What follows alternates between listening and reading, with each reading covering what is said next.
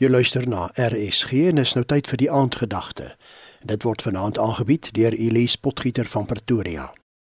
Romeine 5 vers 2. Deur hom het ons in geloof ook die vrye toegang verkry tot hierdie genade waarin ons nou vas staan en ons verheug ons ook in die hoop om deel te hê aan die heerlikheid van God. Goeienaand luisteraars. Niemand hoef te wag totdat God sy genade oor ons uitstort nie. Nee, van die heel begin af, nog voor ons geboorte, het God ons Vader sy guns op ons laat rus.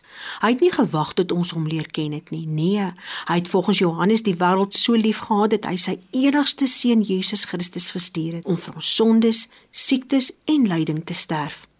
Jesaja 54 lees: Ons het almal gedwaal soos skape. Ons het elkeen sy eie pad geloop, maar omdat God ons Vader ons liefhet, het hy ons almal se sondes op Jesus Christus laat afkom. Dit het egter nie daar gestop nie. Die woord leer ons Jesus het ons lyding op hom geneem. Ons siektes het hy gedra.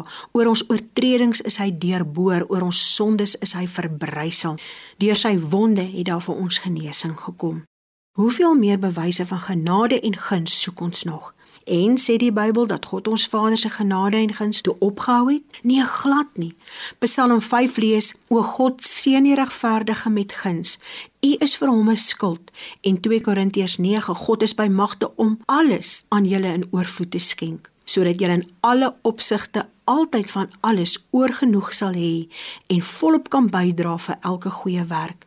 Daar staan ook geskrywe: Hy deel uit en gee aan die armes. Hy bly altyd vrygewig. Het Jesus Christus ooit iemand weggewys wat by hom vir hulp kom aanklop het?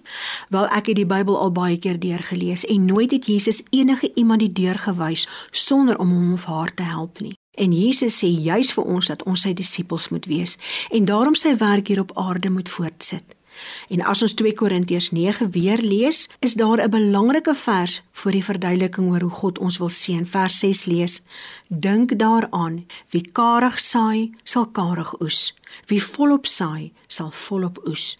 Elkeen moet gee soos hy hom in sy hart voorgenem het nie uit teesin of uit dwang nie, want God het die blymoedige gewer lief.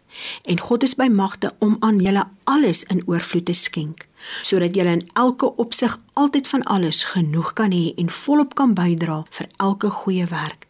Daarom bid ons vanaand Vader in die naam van Jesus Christus, dankie vir al die guns en genade wat ek ontvang. Leer my om met 'n blymoedige hart te gee. Amen. Dit was dan die aandgedagte hier op RSG, aangebied deur Elise Potgieter van Pretoria.